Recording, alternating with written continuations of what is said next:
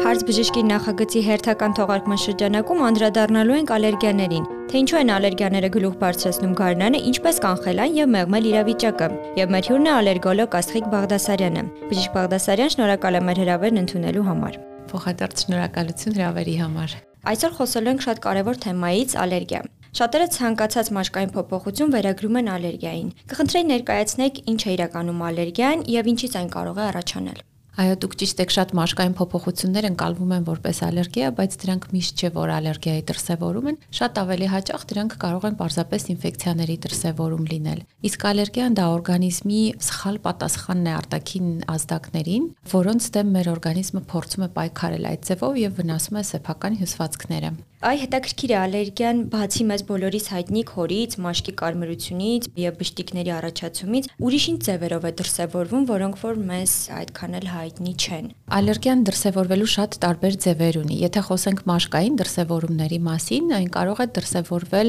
մաշկաբորբի ձևով, այսինքն ձեր նշած մաշկի չորությունը, երբեմն կարող են բշտիկներ առաջանալ, էկզեմատոզ ախտահարումներ լինել մաշկի վրա։ Որոշ դեպքերում, օրինակ, հաճախ դա լինում է սննդային ալերգիաների դեպքում եղն կանչացան է լինում։ Մաշկից բարձրացող եւ 24 ժամվա ընթացքում իր տեղակայումը փոխող ցան է, որը որոշակի սննդատեսակներ օգտագործելուց հետո, եթե մարդը ունի ալերգիա, կարող է հայտնվել մարմնի տարբեր հատվածներում։ Եվ դժվարությունը նրանում է, որ այդ եղնջացանը ոչ միայն ալերգիաների պատճառով, այլ նաեւ այլ շատ գործոններից կարող է լինել, այդ պատճառով տարբերակումը շատ կարեւոր է։ Եթե խոսենք այլ դրսևորումների մասին, հատկապես նրանց, որոնք բնորոշ են գարնանային ամիսներին, դրանք ալերգիկ ռինիտներն են կամ հարբուխները, որոնք դրսևորվում են քթի փակվածությամբ, աչքերի քթի քորով, փրշտոցներով։ Որոշ դեպքերում, երբ արդեն ախտահարվում են ոչ միայն վերին շնչուղիները, այլ նաև ստորին շնչուղիները, կարող է լինել հազ դժվարաշնչություն, որոնք արդեն ասթմայի նշաններ են եւ սրանք կարծես կարմիր լույս լինեն, որ մարդը պետք է դիմի բժշկի։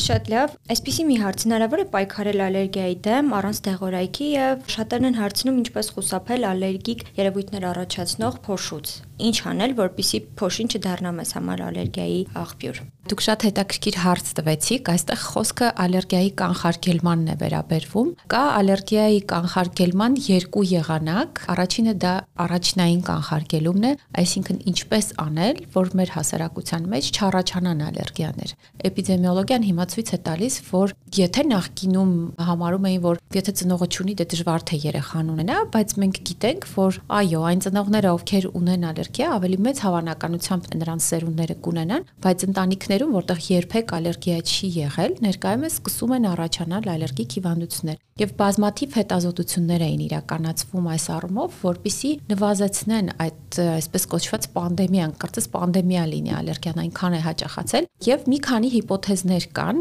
որոնցից որոշ ժամանակ առաջ, գրեթե 1 տասնամյակ առաջ, ամենաշահարկվողը հիգիենայի հիպոթեզներ, այսինքն երբ մարդը խիստ մաքուր միջավայրում է մեծանում եւ իմուն համակարգը չի պայքարում միկրոբների, վիրուսների դեմ, սկսում է այլ ուղություն ստանալ եւ սկսում է պայքարել սեփական հյուսվածքների դեմ։ Իսկ ներկայումս շատ ավելի մոդայիկ, այսպես ասենք, գիտության մեջ համարվում է մաշկի բարիերի հիպոթեզը, այսինքն երբ մենք մեր կենցաղում հաճախակի օգտագործում ենք օճառներ, որոնք որ լվանում եւ չորացնում են մաշկը եւ զրկում են մաշկին սեփական միկրոֆլորայից, դրանք մուտքի դուռ են հանդիսանում օտարածին սպիտակուցների համար, որոնք անմիջապես հպվում են իմուն բջիջներին եւ նրանց ստիպում առաջացնել ալերգիա։ Այսինքն այս բարակայում շատ մեծ նշանակություն է ունենում մաշկի խնամքը որpիսի ամբողջական լինի մաշկը, խոնավ լինի եւ այդ պարագայում ավելի քիչ է առաջանում ալերգիա։ Կան նաեւ հետազոտություններ, որ ցույց են տալիս, որ փոշու բարձր պարունակությունը տանը նպաստում է փոշու նկատմամբ ալերգիաների առաջացմանը։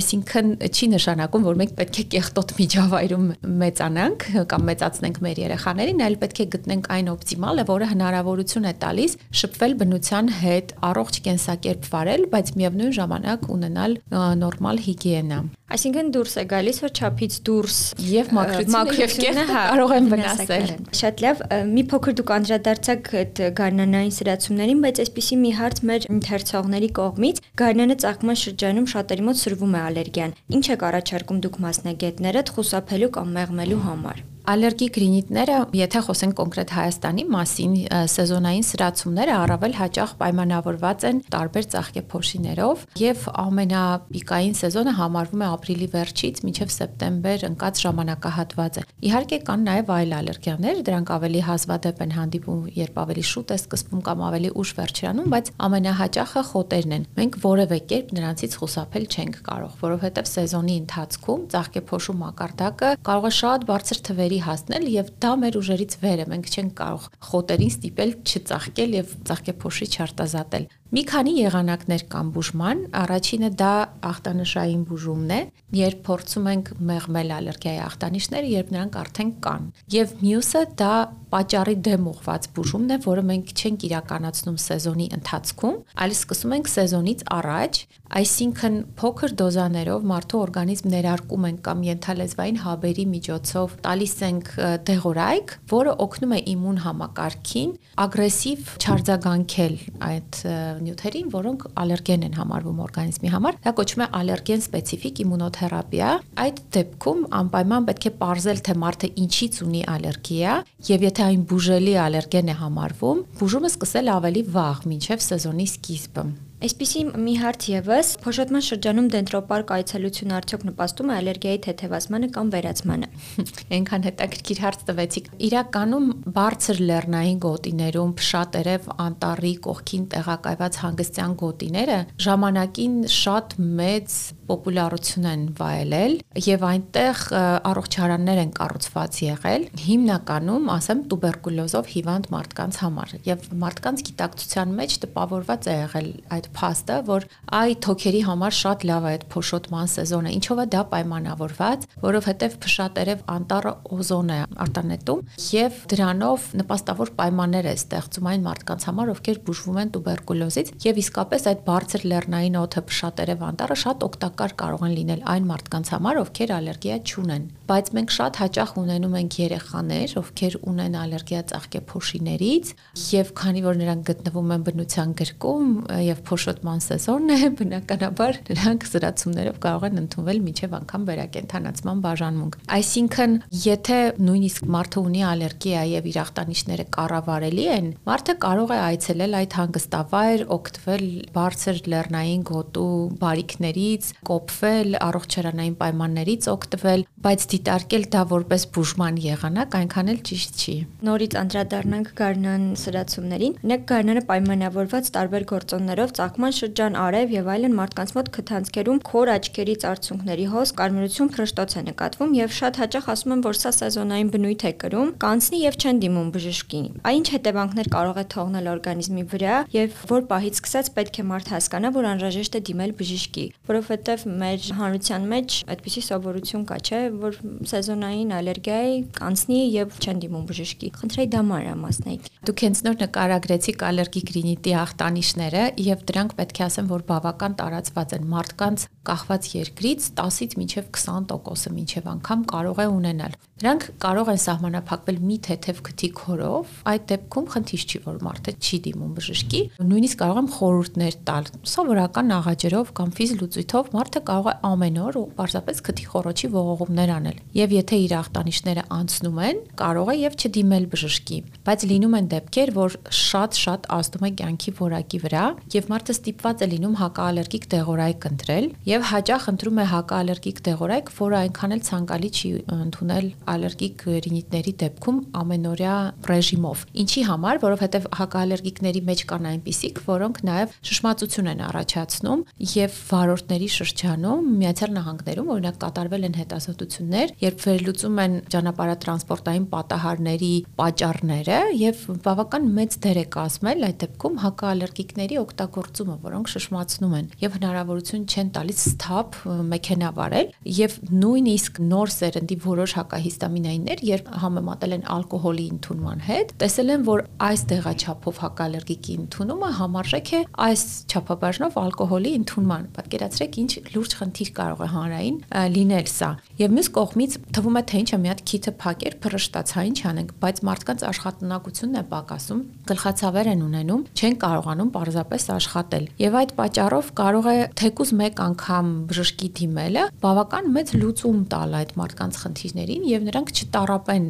ամբողջ այդ սեզոնի ընթացքում։ Շատ լավ, իսկ հնարավոր է հասկանալ թե ալերգիան կոնկրետ ինչից է առաջացել։ Օրինակ մթերքից, սեզոնային այդ փոփոխություններից, փոշուց եւ այլն։ Հիմա հնարավոր է դա կանխատեսել։ Այո, կանխատեսել թե ինչից կառաջանա, ոչ, բայց ախտորոշել թե ինչից է արդեն առաջացել, այո, հնարավոր է իհարկե։ Կան ալերգիկ տեստեր, դրանք իրականացվում են մաշկի միջոցով կամ երակից վերցրած արյան շիճուկի միջոցով եւ բարեբախտաբար Հայաստանում հասանելի են բոլոր կոմերցիոն հասանելի ալերգեններ, այսինքն այն բոլոր ալերգենները, որոնք հայտնի են որպես ալերգեն եւ արտադրվում են ախտորոշիչ տեստեր, այդ բոլոր տեստերը հասանելի են Հայաստանում եւ անհրաժեշտության դեպքում կարող են որոշվել։ Այլ հարց է թե որքան է օպտիմալ, որ բոլորը որոշվեն։ Դա պետք է որոշի բժիշկը ելնելով պացիենտի ախտանիշներից, թե որ չափն է ալերգենների ավելի նպատակահարմար որոշել տվյալ պացիենտի մոտ, որpիսի ոչ ավել հետազոտություններ իրականացվեն, ոչ պակաս։ Շատ լավ կխնդրեի ամփոփիչ երեք խորհուրդ ներկայացնեք մեր ընթերցողներին, ինչ անեն այս սեզոնին պայքարելու, մեղմելու ալերգիկ վիճակները